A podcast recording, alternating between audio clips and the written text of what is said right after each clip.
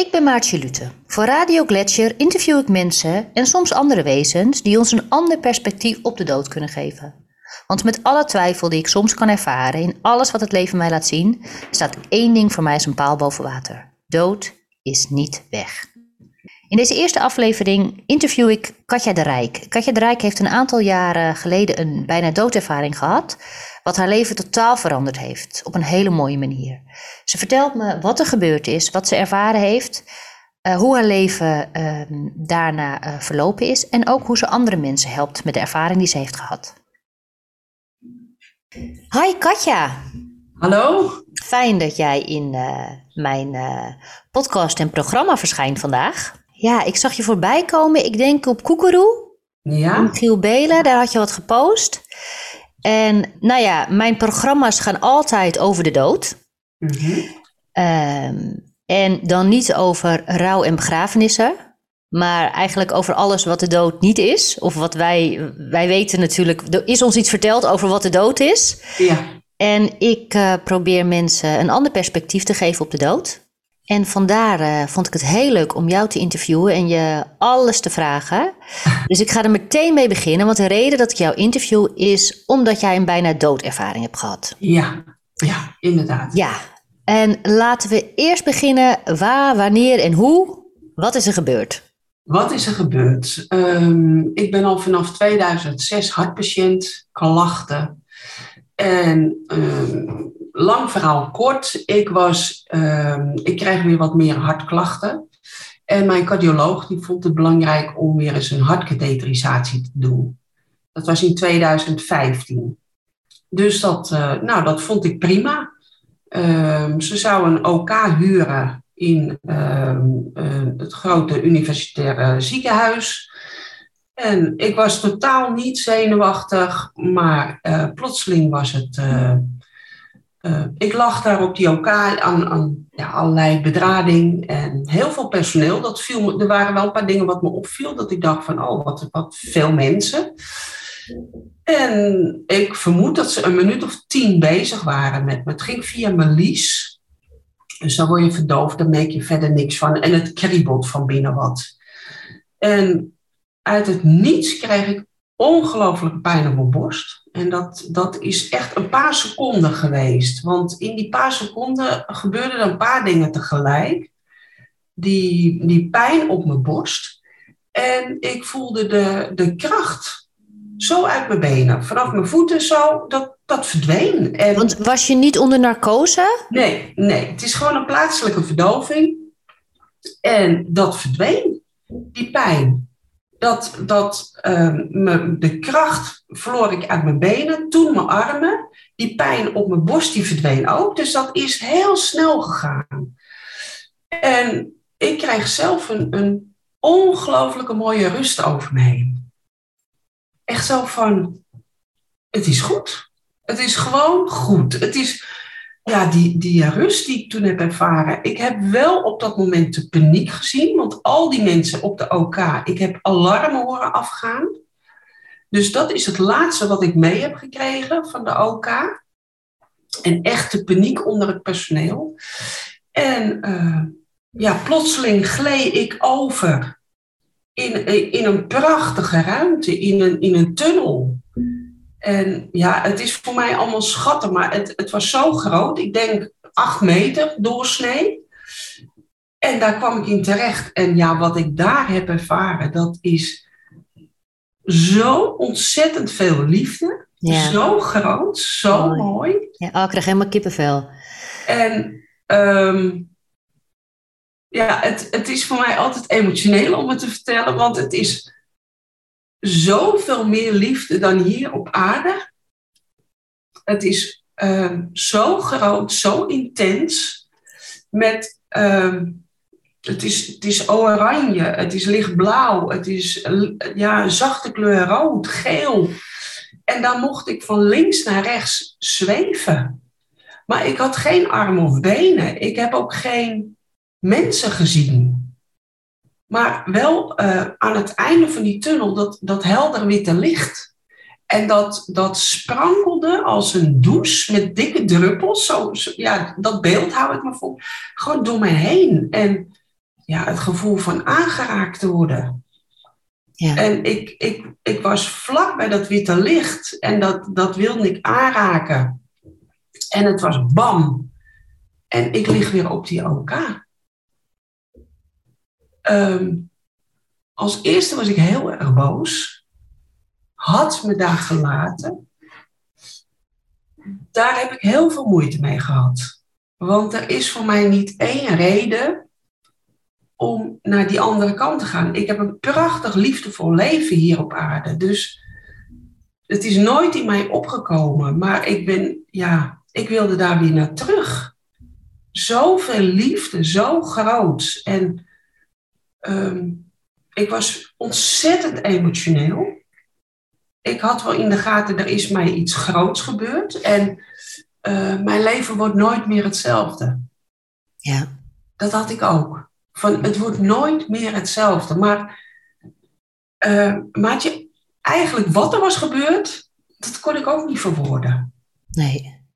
Maar je zegt, um, uh, je, je gleed uit je lichaam. Ja. Voelde dat zo? Alsof je, Ja, alsof je in slaap gleed of zo? Of, Ja, dat ging, die, die kracht, die verdween. Ik, dus dat voelde ik echt van, van armen en benen weggaan. En dat ging over. Gleed ik zo in die tunnel. Ja, en we horen natuurlijk vaker hè, dat mensen zeggen eh, een tunnel en met eh, eh, licht aan het einde van de tunnel. Ja, ja. En, maar die tunnel was voor jou niet zwart. Nee, nee. Het was dat witte licht. En da, daar moest ik naartoe. Daar werd ik naartoe getrokken. Ja, En ehm, daar verbaas ik me ook over. Want als je in de auto zit en de zon schijnt, dan kan je niet inkijken. ja, En dan zet je een zonnebril op. Of, maar dit, dit heldere witte licht, daar moest ik naartoe. Dat, je, je werd daar gewoon naartoe gezogen. ja, Wetende dat het iets, iets heel groots is. Iets bijzonders. Iets, ja, het gevoel van aangeraakt. Ja. En die liefde die ik daar heb ervaren, die voel ik elke dag. Die voel ik elke dag om me heen. Maar, maar je, je kwam niet bij dat witte licht. Ze hebben- Nee, ik zat er, nou, ook dat is een gevoel dat ik denk van ja, mijn hand of me- me- mezelf was er, was er 10 centimeter vanaf. Zo moet je het zien. Ja. En toen hebben ze je teruggehaald. Ja, ja, Bastards. ja. En toen merkte ik direct van, ik kon niet dat, dat licht op die OK, dat kon ik niet handelen. Ik moest gelijk mijn ogen dicht. Ja. En Dat al je zintuigen open stonden misschien. Dat Ja. je zo... Ja, alles. Ik vond Ja. dat ze heel veel herrie maakten. Ja, Eh, ja, dat licht, die lampen in die OK. ja, En, En- ik zag de paniek onder het personeel. Ik dacht, ja, ze hingen boven me, ze zaten aan me om me te troosten. En, en toen had ik wel zoiets van, ja, wat is er gebeurd? En toen heb ik wel gevraagd van, heb ik een, een schok gehad? En dat hebben ze bevestigd. Maar voor de rest wat er was gebeurd, hebben ze me niet verteld. En hoe lang heeft dat geduurd ongeveer? Dat, het, dat jij in die tunnel was? Kunnen zij dat ja. Ja, dat, dat, dat zal niet lang zijn geweest. Want ja, ik lag natuurlijk op een plek waarbij ze me direct konden reanimeren. Ja. Want ha- had jij nog een besef van tijd? Nee, niets. Voor hoe, lang, voor hoe lang ben jij in die tunnel geweest voor jouw idee? Nou, misschien een minuut, anderhalve minuut. Ja, Maar daar, er, er was daar niets. Geen tijd, geen liefde. Ja. Zo ontzettend veel liefde. Ja, wordt heel vaak aan mij gevraagd, Katja, is het een geloof? ja, En dan zeg ik, het geloof vind ik persoonlijk aards. Hè? Waar je in opgegroeid bent, dat, dat geloof, dat volk. En ik zeg, het hing daarboven. Het hing boven al die geloven. ja. Want dat wil ik zo ook nog eventjes naartoe. Eh, ho- hoe je hier, eh, hiervoor naar de dood keek en natuurlijk hoe je er nu naar kijkt. Mhm. Ehm, en wat ik mooi vind is wat jij zegt. Het voelde alsof alles oké was. Ja, Ik heb zelf ehm, de reden dat ik deze eh, podcast maak en, en eh, mijn interesse in de dood is gekomen doordat mijn zoontje is overleden, Mhm. eh, vier jaar geleden. ja. En hij is twee maanden oud geworden en ik was, hij was ziek al die tijd en ik was heel erg bang dat hij zou overlijden. En op het moment dat hij overleed, voelde alles helemaal goed. ja. En dat is zo'n. ik vind het dus mooi dat jij dit nu zegt, want dat is wat ik ook altijd aan mensen uitleg. Het was alsof alles op zijn plek viel. Het, Ja. Was een soort van, ja, een soort van vacuüm of zo, dat alles helemaal goed was. Ja, ja. En het feit dat alles goed, goed is, dat geeft je zo'n rust, zo'n sereniteit. ja. Dus, en, en hoe zou je dat ook zo omschrijven? Sorry. Ehm, of ja, dat alles goed is. Nou, ehm, ik heb me er juist over verbaasd. Want natuurlijk had ik wel eens nagedacht over de dood. En, en hopelijk zitten dan je dierbaren om je heen. Maar ik was daar natuurlijk alleen. En ik had zoiets van, het is, ja, het is gewoon goed. Die rust die over mij kwam. Ik snap nu ook, als ik, als je wel hoort dat mensen overlijden, dat ze met een, een, een soort glimlach op hun gezicht eh, liggen als ze overleden zijn. Ik zeg, dat snap ik nu. Ja, Het is gewoon, ik heb nergens, ik heb niet aan mijn kinderen gedacht. Ik heb niet aan Ruud, mijn man, gedacht. Het was gewoon goed. Die rust, ja, dat, dat heeft zoveel indruk op mij gemaakt. Heb je daar nooit later een soort van schuldgevoelens over gehad? Dat je dacht, ik ging dood en ik dacht niet eens aan mijn kinderen en aan mijn man. En Nou, in het begin vooral ook omdat ik boos was. ja, En ik ken nu geen boosheid meer. Dat is ook zo bijzonder. ja, omdat je alles begrijpt. Waarschijnlijk. Ja, ik zeg, ik snap het leven. Ja, dat, ja, dat zeg ik ook altijd. Ik Ja. wil mensen zo graag meer over de dood vertellen, want als je dat snapt, dan ga je het leven snappen. Ja. Ja, dan zie je wat voor cadeau het is, hè, het leven. Ja, en ja, dat zeg ik wel eens van, het is het allermooiste cadeau wat ik ooit heb gekregen. En goddank mag ik het nog een keer meemaken. Ja, Ja, het is bizar, maar zo, zo voelt het voor mij. want ehm, nou ja, je zei net al, mensen die zeggen dan is het een geloof. Of eh, Mhm. tegen mij werd wel eens gezegd, wat fijn dat je er zo naar kunt kijken. En in het Ja. begin werd ik altijd een beetje geïrriteerd, want ik dacht, ja, het is meer dan dat. En nu inmiddels denk ik, inderdaad, heel fijn voor mij dat ik daar zo naar kan kijken. Ja. Ehm, maar hoe was jouw, hoe keek je naar de dood voordat je dit gebeurd was? Nou, ik heb er eigenlijk nooit zo bij nagedacht. Mensen overlijden en ja, eigenlijk ben ik daar nooit zo mee bezig geweest. En zeker niet met een bijna doodervaring. Dat is ook zo gek. N- niet angstig. Wel heel nuchter van, nou, als het mijn tijd is, dan is het mijn tijd. Maar nee, niet, niet echt bewust. Maar dacht je niet, er is daar nog wat na? Of had je mensen nou in je omgeving die je verloren eh, bent? Dat je, Nee, wel eens gedacht van, zal er wat meer zijn? Wel openstaan voor tekens van mensen die, die hè, van, nou, zal dat eh, knipperen met licht en eh, zal dat die of die zijn? Maar niet echt doorgedacht of zo. Nooit mee bezig geweest, nooit. nee. Dus ja, en nu zeg ik van ja, ik, ik vind het zo'n mooi cadeau. Echt, Want hoe is, eh, je hebt ook een boek geschreven erover, ja. geloof ik. Dat, daar wil ik straks ook meer over weten. Maar hoe waren, ehm, nou je kwam dus terug op die operatietafel, lag je weer. Ja, En heb je toen meteen tegen die artsen verteld wat er gebeurd is? Of Nee. tegen wie ben je dat gaan vertellen? Moest je het eerst zelf verwerken? Hoe ging dat? Ik- ik- het was te veel. Ehm, gevoelsmatig zeg ik, er was een lijntje met boven. Eh, voor mijn gevoel stond mijn hoofd helemaal open. En was ik verbonden met die andere wereld. Nog steeds toen je terug was? Ja, Ja, nou, sindsdien. ja, Ik zeg wel eens, op dat moment heb ik geen overledene gezien, maar het was direct daarna dat ik dacht van ja, ik, ik, ik voel iets anders. Het is anders. En nou ja, gelijk natuurlijk dat licht wat, wat me heel erg van slag bracht. Want, en ik voelde dat die mensen allemaal in mijn oor stonden te schreeuwen, terwijl waarschijnlijk iedereen gewoon rustig sprak. ja, Dus dat was, dat, het was te veel. ja. Hè? Ik geef ook lezingen met, met Bob en Mirjam. En daarin eh, omschrijft Bob ook dat zo'n ervaring voor mensen is als een, een olifant in een blikje cola proppen. ja. Wie, zijn, wie zijn Bob en Mirjam? Eh, Bob en Mirjam heb ik op een congres ontmoet. En Bob was een van de sprekers. En Mirjam is een, een medium. eh, die uiteindelijk eh, ja, mijn allerbeste vriendin is geworden. Die mij ontzettend heb geholpen in dit hele proces. Ja. Om uit te leggen wat er gebeurt in mij. Ja, En daar ben ik, ja, die, de- als ik die hulp niet had gehad, dan. Het was te veel om te handelen. ja. En dat is ook de reden dat ik zelf heel veel doe aan ehm, ja, het openbaar maken. Van als je zoiets overkomt, je bent niet gek aan het worden. Je hebt iets bijzonders meegemaakt. Ja. Dat is wel eh, ook een taak.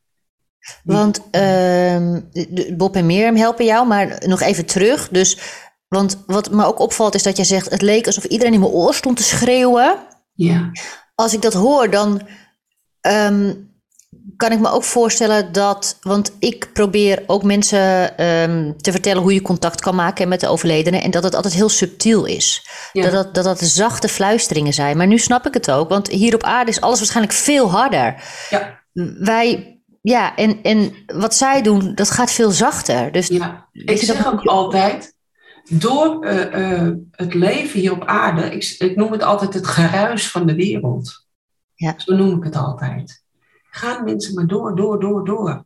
En die, ze geven de hele dag signalen aan ons af van de, van de spirit. En als jij in die rust zit, dan, dan pik je ze op. Maar als jij de hele dag in dat geruis van die wereld zit, dan, ja, dan gaat dat niet goed. Dan pik je dat niet op. ja, daarom is mijn advies en van iedereen die hiermee bezig is, zoek de stilte op. Ja, Zoek de, ga de natuur in. Zoek Ja. de stilte in jezelf. ja, ja. Ehm, maar eh, ik dwaal weer af. Ehm, dus je, je kwam terug en op die operatietafel. En ja, dan, dan ga je op een gegeven moment naar huis toe. En dan denk je, er is mij wat gebeurd. Heb je toen met je man daarover gehad? Ja, nou, eerst was het ehm, ehm, doordat ik zo ontzettend van slag was en maar aan het huilen was, merkte ik wel, hé, hey, ik, ik moest naar de hartbewaking, dat ik dacht van, nee, ik zou toch gelijk teruggaan naar, met een ambulance naar het streekziekenhuis. Ze waren ontzettend bezorgd, anders dan normaal. En ehm, ik vroeg ook of, of eh, iemand mijn man wilde bellen. En toen zei er een van het personeel, dat is de taak van de cardioloog, was het. Dus er gingen wat dingen. Maar op dat moment heb ik Ruud zo ontzettend gemist. En ik ben heel vaak geopereerd, maar zoals ik hem toen gemist heb, dat, ja, dat was zo verschrikkelijk. En ehm, dat kwam omdat ik zoiets groots had meegemaakt. Maar Ja, wilde je graag delen? Ja. ja, en toen kwam ik, nou ja, na, na zoveel uur mocht ik toch terug naar het streekziekenhuis. En daar kwam ik aan en er kwam allemaal personeel aan mijn bed. Goh, mevrouw de Rijk, dat is allemaal wat wat u heeft meegemaakt. En dat was voor mij wel, en ik maar huilen, huilen, huilen. En totdat er iemand kwam en toen zei ik, Ruud zat er toen wel inmiddels bij. En eh, toen zei ik, ik, ik weet niet waarom ik me zo voel. Ik voel me anders. Ik voel me... En toen zei iemand van, ja, maar dat is ook niet zo gek. Je hebt net een hartstilstand gehad. Nou, daar, daar ging ik helemaal natuurlijk. ja.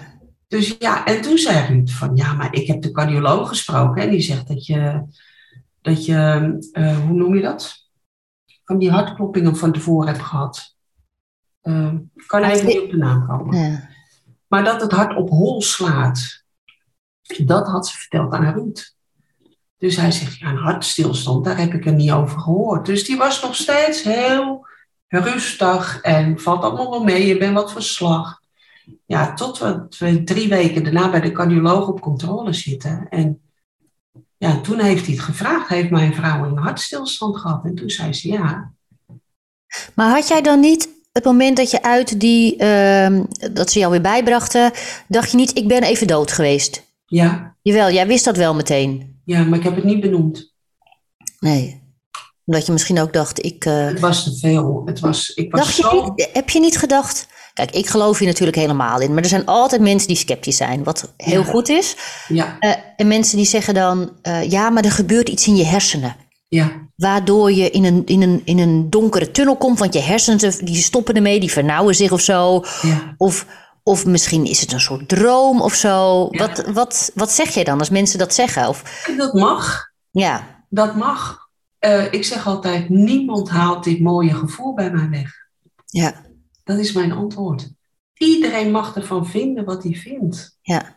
Maar eh, ja, gelukkig heb ik dierbaren omheen die het verschil zien van Katja voor die Precies. tijd en Katja na die tijd. Precies, want dat, dat is inderdaad, dat zegt ook wat. Hè? Het, is, het, is, het is een ervaring die je meemaakt, maar als het je echt tot, tot de core verandert, dan, Ja, moet er wel iets gebeurd zijn. Ja. En hoe was de Katja hiervoor en hoe is de Katja nu? Eh, de Katja hiervoor was, ik had een eigen bedrijf als fotograaf en druk bezig en lekker in het leven en ja, gewoon zoals ieder ander. En eh, wel geïnteresseerd in spiritualiteit, dat wel. Dat vond ik altijd wel reuze interessant. En ook wel de wens om ooit iets met mensen te doen. Ik vond wel de gesprekken tijdens een fotoshoot of zo, of met bruiloften, dat mensen zijn dan heel kwetsbaar. Dus dan vond ik het mooi. Dan kreeg ik ze altijd wel rustig. Dus toen had ik wel eens verlangen van, nou, ja, om, om daar iets mee te gaan doen. Maar wat? Dat wist ik niet. Ja, en dat mag ik nu dagelijks doen. Ja. En ehm, Maar is jouw karakter ook veranderd? ja, als je geen boosheid meer kent, Ja. dan verzacht je. Ik ben verzacht. Maak me niet meer druk om dingen. Eh, ik krijg ook vaak als mensen hier zijn, dan zeggen ze, Katja, door al bij jou in deze ruimte te zijn, krijg ik al rust over me heen. Ja. Dan zeg ik, ja, ik doe nog niks. Ja. Maar ik ben wel, eh, waar ik heel erg voor ga, is dat ik nuchter ben. Ja. Dat herken ik, ja. Ehm, ik heb al mensen gehoord die dan heel erg anders. En ik zeg altijd, ik, ik wil ook geen medium genoemd worden, want ik, ik krijg ja, boodschappen van overledenen door. Vind ik prachtig. Maar ik zeg, ik ben Katja en ik heb iets extra's. Ik heb een beetje extra. Ja. En eh, dat houdt het ook nuchter. Ja. Want ik zeg, ik ben gewoon vooral vrouw, vriendin, moeder, oma. Ja. En tussendoor heb ik, ja, mag ik wat extra's hebben. Ja. Ehm, dat jij zegt, ik voel dus geen boosheid meer. Ehm, ik, ik ben mijn podcast begonnen eh, met de titel Ik ben gelukkiger na het overlijden van mijn kind. Ja, Wat natuurlijk best wel een heftig statement is. Waar ik heel erg over na, getwijfeld heb. Hè. Dacht ik, ga ik dat zo zeggen? Want ja, misschien kwets ik wel mensen. En mensen snappen het natuurlijk ook niet altijd. Die zeggen, maar Maartje, denk je dan dat je, niet, dat je als je kind was blijven leven... dat je nu niet gelukkig was geweest? Mhm. Zeer waarschijnlijk ook wel. Maar ik heb een dieper laagje gezien... waardoor ik inderdaad het leven beter snap... en dat alles klopt zoals het is... ja. En je kan je er tegen verzetten en boos worden. En betekent niet dat je niet je grenzen aan kan geven. Hè? Want dat is, ik bedoel, ergens boos om worden of je grenzen aangeven is wat anders. Je moet niet alles maar aannemen en nergens. Ja, je snapt waarschijnlijk wel wat ik bedoel. Ja.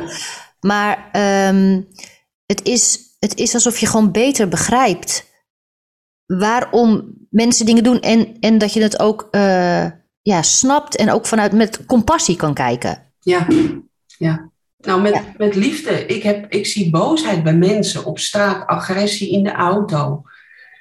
In plaats van mij daarin te mengen, stuur ik ze vanuit mezelf die liefde.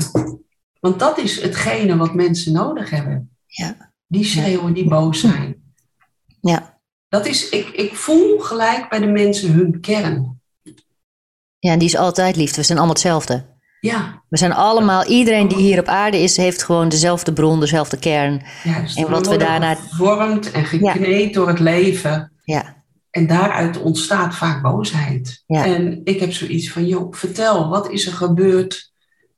Ik heb ook, misschien is dat wel heel leuk om te vertellen. Ik heb hier een man gehad, die eh, had een hartstilstand gehad en die was totaal niet meer zichzelf. Die man had een uitstraling van, eh, ja, ja, is veroordelen wat ik nu doe, maar een uitstraling van stoel met een pitbull onder zijn armen, dat je denkt, oh, wow. En die man die kwam hier en toen zegt hij, Katja, ik wil weer de oude worden. Nou, ik kreeg gelijk door, je bent de oude. Want jij zit niet meer in een rol. Hij was ook, net zoals ik, ik noem het altijd, ik ben gereset. Dus hij was weer het jongetje geworden wie die voor zijn strijd van een jaar of zes. Want toen moest hij zich verdedigen tegen ouders met alcoholverslaving. Dus hij moest letterlijk en figuurlijk vechten. ja een muur Vechten is hij op school gaan doen, in het werk, altijd grof in de mond. En toen was hij gereset. Dus Ja. dat gebeurde tijdens een, een, een hartstilstand of bijna doodervaring. Ja. En dat vond ik zo'n mooi voorbeeld van iemand die zegt, ik wil weer... Ik zeg, je bent nu jezelf. Hij zegt, ik voel mezelf zo'n watje. Ja, Ik zei, nou dit is, dit is wie jij bent. Dus zo voelt het voor mij ook dat ik gereset ben. Ja.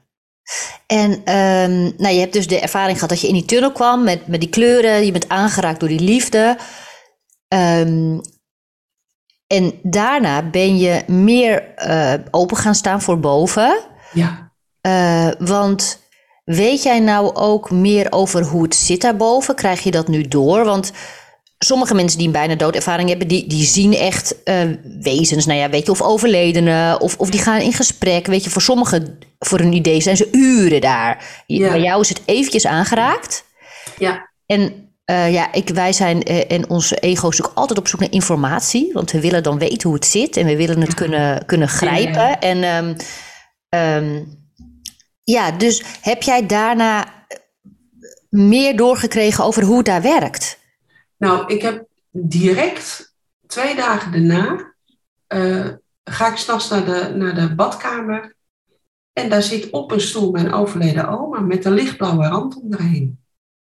Prachtig, maar ik schrok, want mijn hartslag mocht niet boven de 83 komen. Nou, ja, je dacht, daar gaan we weer. Oh, gelukkig, daar gaan we weer. Nee. dat is niet echt gelukt. Nee. Dus dat was eigenlijk meer de zorg vanwege mijn hart. Dus, maar uh, ja, na die tijd, het is normaal voor mij geworden dat ik... Mensen laten zich zien in beelden of ik krijg woorden door die op dat moment voor mij uh, uh, nodig zijn om te horen. En ze hebben het vooral over die, die grote liefde die ik heb ervaren. Daar wordt ook vaak over gezegd. Van ze kijken terug op hun. Um, ze voelen de pijn die ze bij het leven hebben uh, aangericht aan mensen. Dat, hun voelen daarboven die pijn. Dat is wat, wat ze vaak. En dat ze het via uh, uh, het doorgeven van boodschappen willen rechttrekken. Want die, dat ze die pijn die ze in het leven, hè, waar ze soms niks anders aan konden doen, die tekortkomingen, dat ze dat um, voelen daar aan die andere Maar als, jij, als je daar bent, hè, dan kan ik me zo voorstellen dat je dus het grotere plaatje ziet. Ja. Het grotere geheel. Dat je veel meer snapt waarom je hebt gedaan wat je hebt gedaan. En veel meer snapt waarom anderen doen wat ze doen. Ja. Voel je dan nog steeds die, even goed het schuldgevoel, is misschien een groot woord, maar uh, voel je dat dan nog daarboven? Die, die, die, die emotie van schuldgevoel? Nee, want dat is, daar ben ik liefde. En die liefde is er voor iedereen. Ongeacht wat je hebt gecreëerd op deze aarde. Maar je zegt mensen die willen graag iets rechtzetten? Ja, ze voelen die, die, uh, vanuit die liefde gaan ze over in dat, dat gevoel wat ze in het leven fout hebben gedaan. En het is heel vaak uh, dat mensen voor mij binnenkomen met boodschappen bij mensen van ja, maar zo lief was ze niet tegen me. Bedoel, dus je, bedoel je nu mensen, boodschappen van mensen van boven die overleden zijn? Of ja, andersom? Voor mensen die ik hier als cliënt heb. Ja. Dan krijg ik boodschappen door dat ze zeggen van nou, maar die, die was helemaal niet zo lief voor me. En dan komt er juist een boodschap van uh, ik had dingen anders moeten doen. Dat ze denken van hè, dat is gewoon een, een schuldbekentenis. Wat, ja. wat, wat me, waarvan je ziet dat er een last van mensen. Ja, ik wist niet of die persoon van me hield. En nooit gezegd. En, nooit, en dan komt er ineens die boodschap door. En dat, ik krijg ze door in, in plaatjes. Of ik zie een persoon staan. Of ja. in woorden of zinnen. Ja. Dus ja, en dat je ziet altijd als ik de boodschap doorgeef aan de persoon, dan gebeurt er echt iets. Ja. En ik krijg soms woorden in mijn mond dat ik denk, wat zeg ik nou? Of mijn stem verandert. Ja. Dat vind ik ook zo grappig. Ik vind het vooral grappig allemaal. Ja. Ik vind het vooral leuk. En um, heb jij dan ook contact met je eigen gidsen? Of, of komen er ook overledenen voor jou door, waar jij ja. gesprekjes mee hebt of die jou dingen vertellen? Nou ja, ik, ik heb um, inmiddels zeg ik wel eens, ik, het is net zoals dat ik uh, mijn dierbaren om me heen heb. Ik praat net zo, ik gooi alles die kosmos in. Vertel ook alles. En dat doe ik gewoon in mezelf. Ik, ik doe het niet hardop. En dus voor mij is het normaal om daarmee te communiceren. Ja. En ehm, ik weet wel daarbij dat een, een oude dierbare vriendin en mijn oma, die zijn wel heel veel bij mij. Ja. En dat, dat voel ik ook wel. Die, laten zich ook al, die hebben zich al een paar keer ook s'nachts laten zien. Ter rand van mijn bed. Dat ik ze ook echt voel. Ja. Ja, ja dat zijn cadeautjes. Ja. En ehm, wat, wat brengen ze jou? Brengen ze jou uh, tips over hoe je hiermee om moet gaan? Laten ze jou dingen zien? Katja, jij gaat dit hiermee doen, want dit maak je niet zomaar mee. Nee, nou, het zijn. Um, ik merk wel dat het vaak dingen zijn als ik ergens mee zit of twijfel. Of dat ze laten zien dat het goed is. Dat het voor mij makkelijker is om zo'n keuze te maken, om zo'n stap te maken. Dat, dat vind ik altijd wel bijzonder. Dat het wel vaak is op een moment van, nou, zal ik, uh, wat zal ik doen? Vooral bij twijfel of dat ik een, ja, een vraag voor mezelf heb. En dan, uh, dus ja, dat vind ik altijd wel heel grappig. Dat ze dan juist op die momenten uh, doorkomen. Maar ik, ik, het was wel voor mij na de hartstilstand heel veel om uit het niets, uh, vooral dat licht en geluid, en dan ook nog eens die overledenen die doorkwamen. Ja. Ik heb wel vanaf de eerste dag alles met Ruud gedeeld. Want ik had zoiets, ja, ik maak dingen mee, ik voel dingen. Maar wie gelooft mij? Hè? Ja, geloofde hij jou? Nou ja, er werden op een gegeven moment kwamen dingen waar ik niets mee kan. Ik, ik, we zaten op een gegeven moment aan de koffie en toen uh, kreeg ik een, een, bericht door op een zondag. Moet je je voorstellen, dan zitten we gewoon aan de koffie. We zitten gewoon te praten en in ene is het, er komt een auto-ongeluk met doden op de A6. Dat komt gewoon bom binnen. En dat komt dan achter elkaar binnen. Dat stopt niet. Nou, eerst ben ik dan nog stil, dus nou, toen zei ik tegen hem, ik zei, nou, ik krijg nou zoiets raars binnen. Van, er komt een auto-ongeluk op de A6. Nou, hij zegt, dat hoop ik niet. Ik zeg, ja, met doden. Ik zeg, maar bestaat er een A6? Want ik, ik wist dat niet. Ja. Ja, hij zegt, bij Lelystad. Ik zeg, nou, ik hoop het niet. Dus dan is het het gekke. Maar dan hou je die dag toch een beetje het nieuws in de gaten. En er kwam niks, maar het bleef bij mij terugkomen. Er was geen twijfel, helemaal niets. En uh, de volgende dag zitten wij in het ziekenhuis. Ik moest voor controle. En daar hangt zo'n scherm in de wachtruimte, weet je wel, waar zo'n regel onderdoor gaat door ja. nu.nl. Ja. En daar stond uh, hij stoot mij aan. Hij zegt, kijk eens, drie doden op de A6. Ja, toen zijn we thuisgekomen en toen hebben we gekeken en het bleek om iemand te zijn die in een serie had gespeeld. En ze dachten dat hij een zelfmoordpoging had gedaan en ze geen zin daarin mee had getrokken. Dus het was zondags gebeurd en maandags pas vanwege het onderzoek in het nieuws.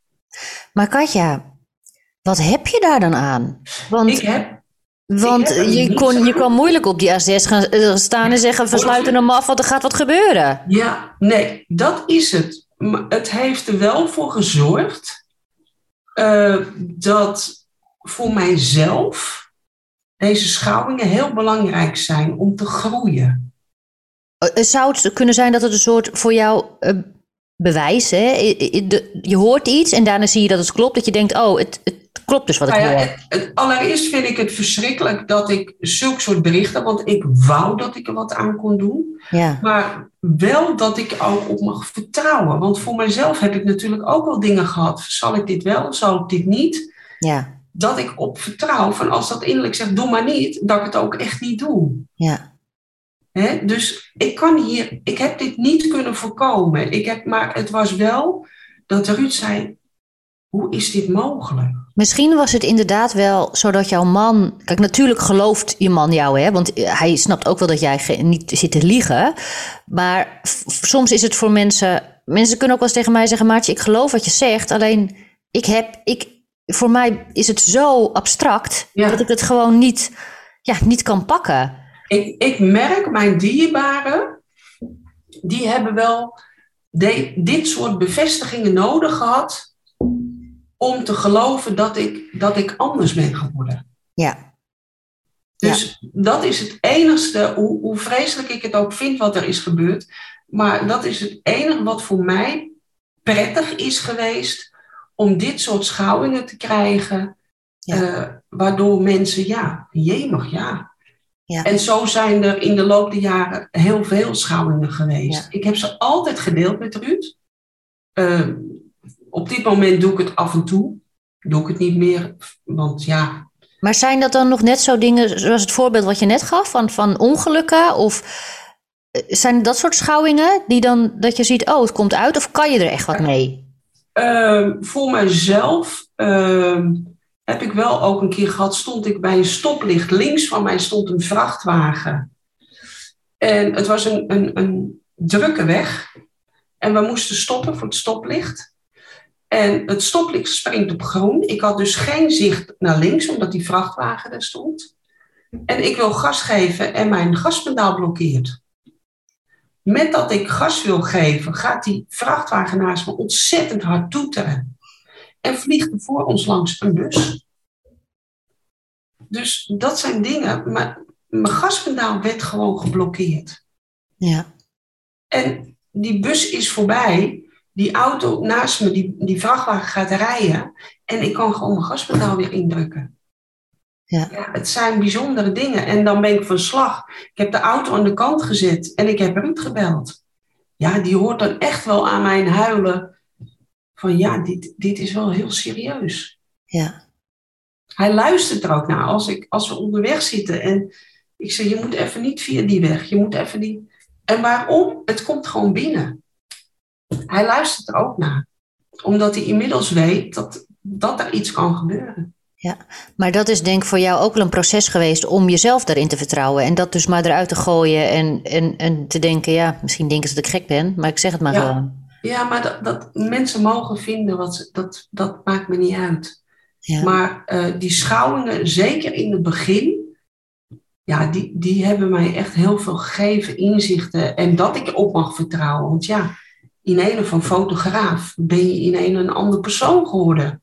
Hè, die dat lijntje met boven hebt. Ja, en ik geloof ook echt dat van boven niks is toeval. Ja, toeval is sowieso, ik noem het altijd, is iets wat je toevalt. Ja. Mooi, dat, die ken je waarschijnlijk ook wel. Ja. Maar niks is random. Weet je, alles wordt natuurlijk precies perfect gepland en, en, en georganiseerd, Ja, zodat jij daar het juiste uit kan halen. Ja. En inderdaad, dan is het niet de bedoeling dat jij op die A6 gaat staan, maar dan heeft het een andere functie. Ja. ja. ja, En je hebt dus ook een heel boek geschreven. ja, ja. Hoe, hoe heet je boek? Het kan ons allemaal gebeuren. Ja, dat vond ik wel heel toepasselijk, want zo is het ook. Ja.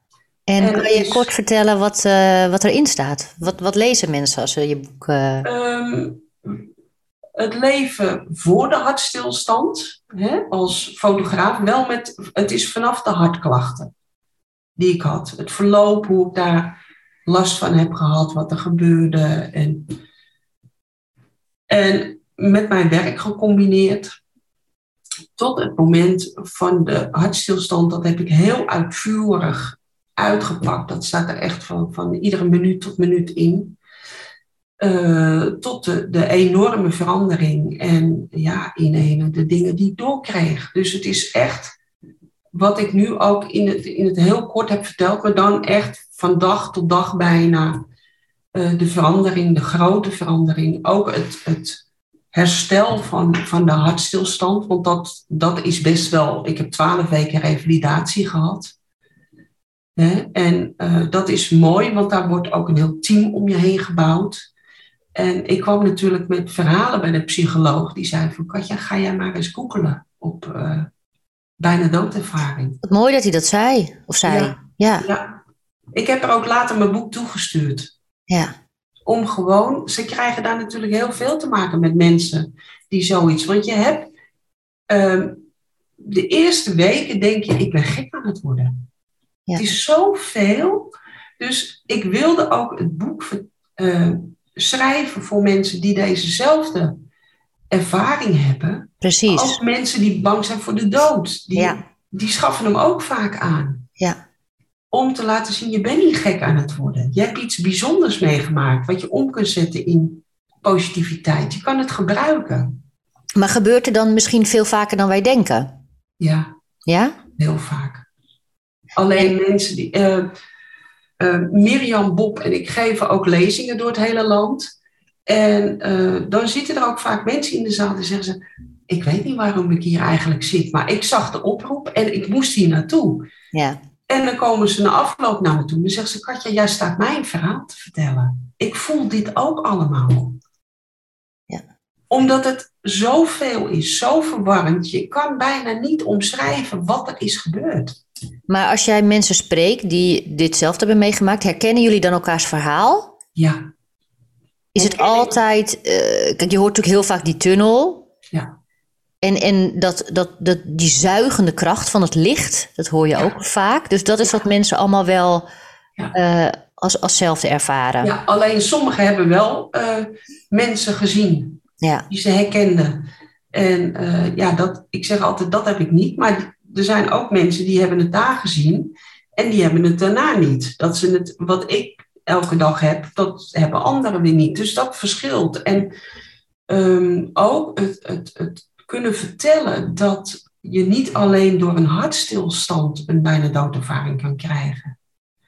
Eh, Mirjam heeft er zelf één gehad tijdens een diepe meditatie. En dat is ook iets wat wij delen. Eh, heb ik gedeeld in het boek. Eh, ook met de lezingen. Ja. Want er zijn ook heel veel mensen, ja, maar ja, ik heb niet een hartstilstand gehad. Of, hè, dus dan, dan zeg ik, ja, maar dat, dat hoeft ook helemaal niet. Dus om het uit die taboes weer te halen, eh, doen wij er alles aan om het bespreekbaar te maken. Maar dat is denk ik wat ik ook een beetje heb ervaren dat mijn zoontje overleed. Dat ik zei, het lijkt wel of er een soort lijntje was naar boven. Ja. Ik ben ook niet dood gegaan. Kijk, hij, hij stierf bij mij in mijn armen, het- heel dicht bij mij. Maar ik heb er ook iets van mogen proeven. Dus wat daar was. Ik zelf, toen ik, toen ik jou zag, toen had ik zoiets. Hij heeft je gewoon een stuk meegenomen op zijn reis. Ja, Je hebt een inkijkje mogen hebben. Wat maakt dat je er zo hè, over kan praten in liefde. En dat, Ja. is, ja, dat, is, dat is prachtig. ja. En ik heb daarna ook heel snel eh, boodschappen van hem doorgekregen. Ja, Wat ik in het begin dus helemaal niet wist dat hij het was.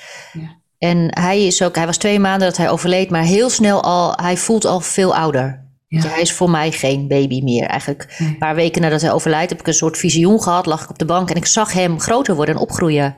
ja. En hij is nu gewoon een hele ja, ontwikkelde ziel die mij begeleidt en mij helpt. En ja, eigenlijk ook de boodschap heeft, weet je, de ja, dood is niet weg. Nee. En ik heb dan de link met ouders met overleden kinderen die ik heel graag wil laten weten dat het oké is met hun kind. En er is niks fout gegaan. En ze zijn oké. En ja, dit is hoe het heeft moeten gaan. Ja. Ja, En dat is het, ja. Dat, dat, ik zeg altijd, als er iemand overlijdt, dan moet je gewoon omdenken. Om niet te zeggen, oh, die heeft die mooie reis mogen meemaken. ja, En ik, daarom zeg ik ook, gelukkig mag ik het nog een keer meemaken. ja, Want er is totaal geen angst. Ik zeg ook, ik, ik blijf met mijn hartklachten een risicogroep. En mijn man, mijn gezin weet ook, jongens, zit over mij niet in. Als het zover is. Ja. Ik heb ze ook uitgelegd dat ik, daar heb ik best wel mee geworsteld, hè, dat ik niet als laatste aan hun heb gedacht. Ja, dat ik vroeg ook al aan het begin, ja. dat, Ja. Weet je, dat is raar. Je, want je hebt daar een beeld van, van nou, dan zit ik hopelijk met me. Hè, dan, maar nee, het was gewoon goed. ja. Dus ja, ik, En- ik- prachtig. En jij, eh, je, je hebt dan nu je eigen praktijk ook, waar Ja. je mensen eh, begeleidt. En zijn er dan, ben je speciaal gericht op mensen die dus zelf een bijna doodervaring hebben gehad? Of is het, kan iedereen terecht? Iedereen kan terecht. Want ehm, wat ik in het begin ook vertelde, dat ik mensen voel en eh, hun kern. Ik voel de kern, eh, wat vastzit, wat vastgeroest zit. Hè? En, en vaak zijn ze al bij psychologen en, en alles geweest, maar ze komen nog steeds niet bij die diepe kern. En uh, ik zeg ook altijd, het kan confronterend zijn, want ja, doordat ik die diepe kern, dat doe ik op een liefdevolle manier hoor, ga ik daar naartoe. Ja, en dan zie je ze in ene openbreken. Er komen hier mensen die, ja, ik kan nooit huilen. En dan, gisteren was het nog, en ja, iemand zit hier een, een, een kwartier en in tranen. Omdat ik daar naartoe mag, naar die kern. En ze dan ook tools geven om daarmee aan de slag. En het is vooral altijd gericht op die zelfliefde. Klopt, ja. Dat is het. Dat is wat we hier komen leren, hè? Om, om, om, van onszelf te houden. Ja. En ik zeg, we zijn bezig in de wereld. Het is allemaal ballen hoog houden. We helpen alles en iedereen. Maar en ik zeg, je moet eerst van jezelf houden. Nou, en dat, dat gebeurt hier. En dat kan soms met, met een, vaak mensen een dubbel consult. Dat is dan twee uur. Ja, dan zijn ze back af. Ik krijg er energie van. En dan, ja, je ziet ze gewoon weggaan met een verandering. Maar je zegt, je, je, je ziet dus de kern van mensen. Ja. Um, en, en waarschijnlijk, nou ja, ik kan me dat zo voorstellen dat daar dus laagjes omheen zitten, hè, die, die, die we hebben opgebouwd in ons leven. Um, en die, moeten afge, of die mogen afgebroken worden. Ja. Maar hoe zie je dat dan? Zie jij, zie jij die mensen anders dan dat ze daar zitten? Of hoe gaat dat praktisch? Um, ik word daarbij geholpen. Dan krijg ik dus, um, als er een, een, een trauma is uit, uh, zeg maar, opgevoed met, met alcoholgebruik, dan krijg ik al dat beeld door. Ik zie dan vaak een situatie, een beeld van een situatie. Had ik toen ook dat, dat ik zag dat een kind helemaal in elkaar zat, hè, omdat het geslagen werd. Zo'n beeld krijg ik in ogen. Dat is best heftig. En dan ga ik op een hele zachte manier daar naartoe. Van, uh, kan je iets vertellen over jouw jeugd en hoe dat is gegaan en hoe waren je ouders en jou? Dus heel voorzichtig, want ik zie echt dat harde beeld. Ja. En uh, dan ga ik op een liefdevolle manier daar naartoe. Nou, en dan vaak, omdat ik weet dat het te maken heeft met uh, dat alcoholgebruik, dat ik daar naartoe mag. Maar dat moet op zo'n verschrikkelijke, rustige manier dus dan die lagen, dat, dat gaat verlieven van, nou, kan je nog meer vertellen? Hoe ging dat? En met je broers en met je zussen, een beetje kneeën. Ja. En tussendoor krijg ik dus gewoon boodschappen of beelden. Krijg je hulp, ja. Ja. En krijg je die hulp dan van overledenen of gidsen van die persoon of van je eigen? Nou, meestal, ik, ik krijg gewoon het beeld. Dat is, ik, ik, soms zie ik wel iemand die iets zegt of hoor ik iemand. Maar het, het, is, het is er gewoon. Het komt binnen. Ja. In ene is het, ja, je moet zo zien dat er in ene, boem, wordt jou een foto getoond. Ja. Maar ik ben ervan overtuigd dat het dus de personen zijn die voor die persoon die tegenover me zit, uh, die liefde wil geven. Ja. En ik zit nu met jou te praten. Krijg je nu ook dingen door over mij? Of is het nee, daar sta, ik, daar sta ik niet voor open. Alleen wel toen ik, wat ik net al vertelde, dat jij een stuk op die reis bent meegenomen. Hij heeft je ook een inkijkje laten zien met het resultaat dat jij nu heel veel moois doet rond dit alles. Ja. Maar ik sta niet, um, dat wil ik ook niet. Ik doe ook niks met mijn dierbaren. Ik ben vooral mama, oma, ja. vriendin. En je zegt, ik doe niks met mijn dierbaren. Hè? Eh, dat, ik, dat, bedoel, je bedoelt dat ik geen boodschappen doorgeef aan hen of, voor hen, uh, omdat het staat natuurlijk heel dicht bij je. Ja. Um, en jij zegt net, ik ben zelf helemaal niet bang om dood te gaan. Maar hoe zie jij dat dan voor jouw dierbaren? Want stel dat een van jouw kinderen zou overlijden, of jouw man, of mm-hmm. jouw. Hoe, wat, wat denk je daarover? Nou ja, ik zeg ook altijd van. um, Onze zoon is ook anderhalf jaar geleden, die wordt, in juni wordt hij 30. Die is heel ernstig ziek geweest. Toen was ik behoorlijk van slag. Want ook ik wil die grote beer uh, blijven knuffelen. Hè? Dat is gewoon het aardse, want zo aards ben ik. Alleen denk ik, en dat heb ik al met een paar mensen, ja, die zijn overleden. Ze zijn niet weg voor mij. Alleen dat, ja, dan blijf ik wel heel nuchter van ja, ik wil gewoon blijven knuffelen. Hè? Ja. Dus dat, dat ga je wel missen. En dat zeg ik ook altijd tegen mensen. Dat kan ik niet weghalen voor je. Maar die cadeaus die doorkomen, ja, koester dat wel vooral. Ja. ja, het is vooral dat we dat fysieke gaan missen als iemand er niet meer Ja, is. Maar, en we zijn op aarde zo alleen, het is ons zo alleen geleerd om fysiek te voelen en eh, bezig te zijn, dat het andere stuk, ja, er, dat, dat is ons niet geleerd. Dus dat is ook heel moeilijk als diegene overleden is. Omdat, Maar dat kan je leren, want Ja. ja, En wat ik natuurlijk wel heb, ehm, ik hou niets wat ik voel over ehm, zeggen ik hou van je. Of daar heb ik geen, daar, dat, dat uit ik gewoon heel makkelijk. Want dat is wel iets eh, dat ik denk van ja, zoveel mensen zitten met zichzelf. Want ik heb nooit verteld dat ik van hem hou. Of, Ja. hè, en ja, daar, daar, daar ben ik heel makkelijk in. Mijn kleinkinderen, ze zijn twee en drie. En dan denk ik, ja, eh, oma houdt van je, oma is trots op je. Love you, zeggen ze dat, weet je wel? Ja, Ja.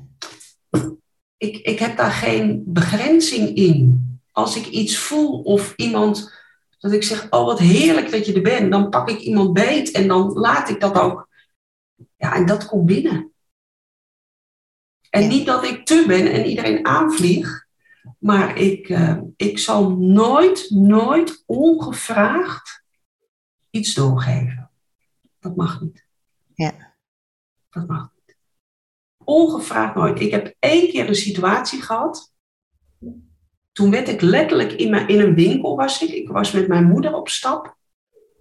En ik had het gevoel dat ik iemand een boodschap door moest geven. Ze stond bij de pashokjes. Nee, dat gaan we nu niet doen. Ik ben aan het winkelen. En dat is drie, vier keer teruggekomen. En toen stond ik op de mat. Ik werd echt achter in mijn kraag gepakt en ik werd achteruit. Ik moest terug. Toen had ik een boodschap voor die vrouw. Ik zei, jong, mag ik jou wat vragen? Ik zei, dit is heel ongebruikelijk voor me. Maar hoe sta je tegenover eh, eh, spiritualiteit? Toen zegt ze gelijk, heb je een boodschap voor me? Ah, Toen bleek dat allebei de ouders twee maanden ervoor in korte tijd achter elkaar waren overleden. En die boodschap was het. Maar voor de rest doe ik het nooit. Dat mag niet. maar en je zegt dat mag niet, van wie niet? Ehm, Want het zijn dan toch die, die overledenen die iets willen zeggen en die, en die zien in jou een ingang. Ja, maar dat is een innerlijk weten. Dat ik weet, als de persoon voor mij bestemd is, komt die toch wel op mijn pad. Ja, komt hij bij jou vragen om. We hebben natuurlijk allemaal vrije wil. We kunnen zelf Als- weten wat we daarmee Als die doen. mensen op consult zijn, dan knappen ze er zo. En dan zeggen ze, oh, die moet ook naar je toe. En dan zeg ik, niet doen.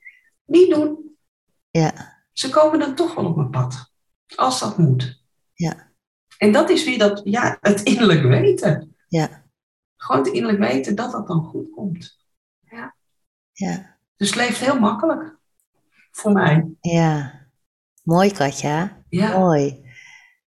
Nou, je ziet er ook heel gelukkig uit. Ja, ja, heeft je ja. erg goed gedaan, die bijna doodervaring. Weet je, ik, er zijn mensen die zeggen wel eens, Katja, ik ben er jaloers op. En dat snap ik.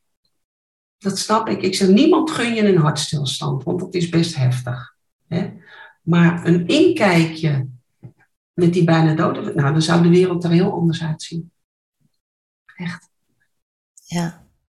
En Mooi. ja, ik, ik, dagelijks voel ik het ook. Vorig jaar was ik erg slecht. Lag ik in het ziekenhuis, had ik een inwendige bloeding, lag ik op de IC. De verpleegkundige die vraagt aan me, mag ik de lamellen een stukje open? Ik zeg graag. Nou, maatje, of ik gedragen werd.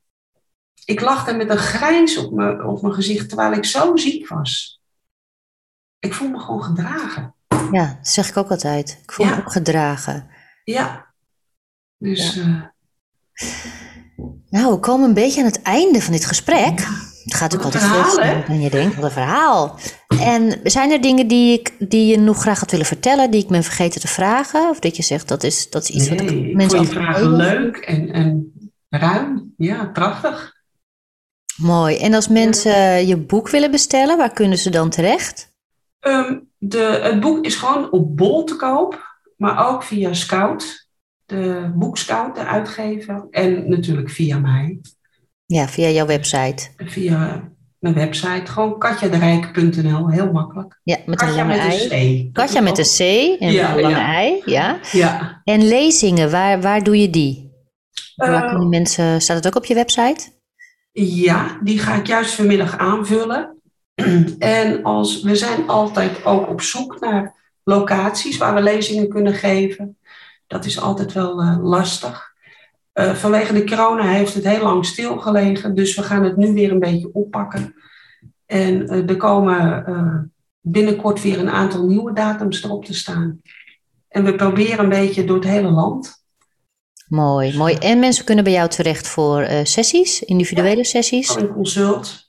Ja. En die informatie staat ook altijd of overal op mijn site. Ja, en gewoon ook als ze nieuwsgierig zijn of als ze denken, ik Ja. wil naar Katja toe, volg je hart, want dat klopt, zie ik achter je staan. Ja, ja, ja. Ja, ja, dat is vaak als iets je interesse heeft of als je er ja, benieuwd naar bent, dan is dat ook al een teken hè, van Ja. boven. Dat is al Nou ja, een, ik eh, heb heel veel in, in eh, bladen gestaan en in kranten. En dan zeggen ze ook, ja, ik, ik weet niet waarom, maar in moest ik je bellen. En dat vind ik dan altijd eh, grappig. En, Ja. Maar het, het- ja, ik vind het prachtig als je mensen die, die altijd bang zijn voor de dood. En dan hebben ze mijn boek gelezen. Of, en dan kan je die, die, die lading weghalen. Nou, dat is prachtig. ja, want life is for the living. Ja, dat vind ik zo mooi om te mogen doen. Ja. Dus, Nou, je hebt je missie gevonden en dat is heerlijk. Die, ik heb ook een missie en dat is zo mooi als je dat mag leven en mag ja, heerlijk. vertellen. We zouden nog uren kunnen doorpraten, denk ik. Ja, Ja. Maar ik ga hem afsluiten en ik ga je heel erg bedanken voor dit gesprek. Jij bedankt. Ik vond het ontzettend leuk. Doei doei. Doeg. Ben je benieuwd naar wat ik nog meer doe? Ga dan naar mijn website www.maartjelute.com. Daar vind je mijn boek, Benja's Present, en meer informatie over de sessies die ik aanbied.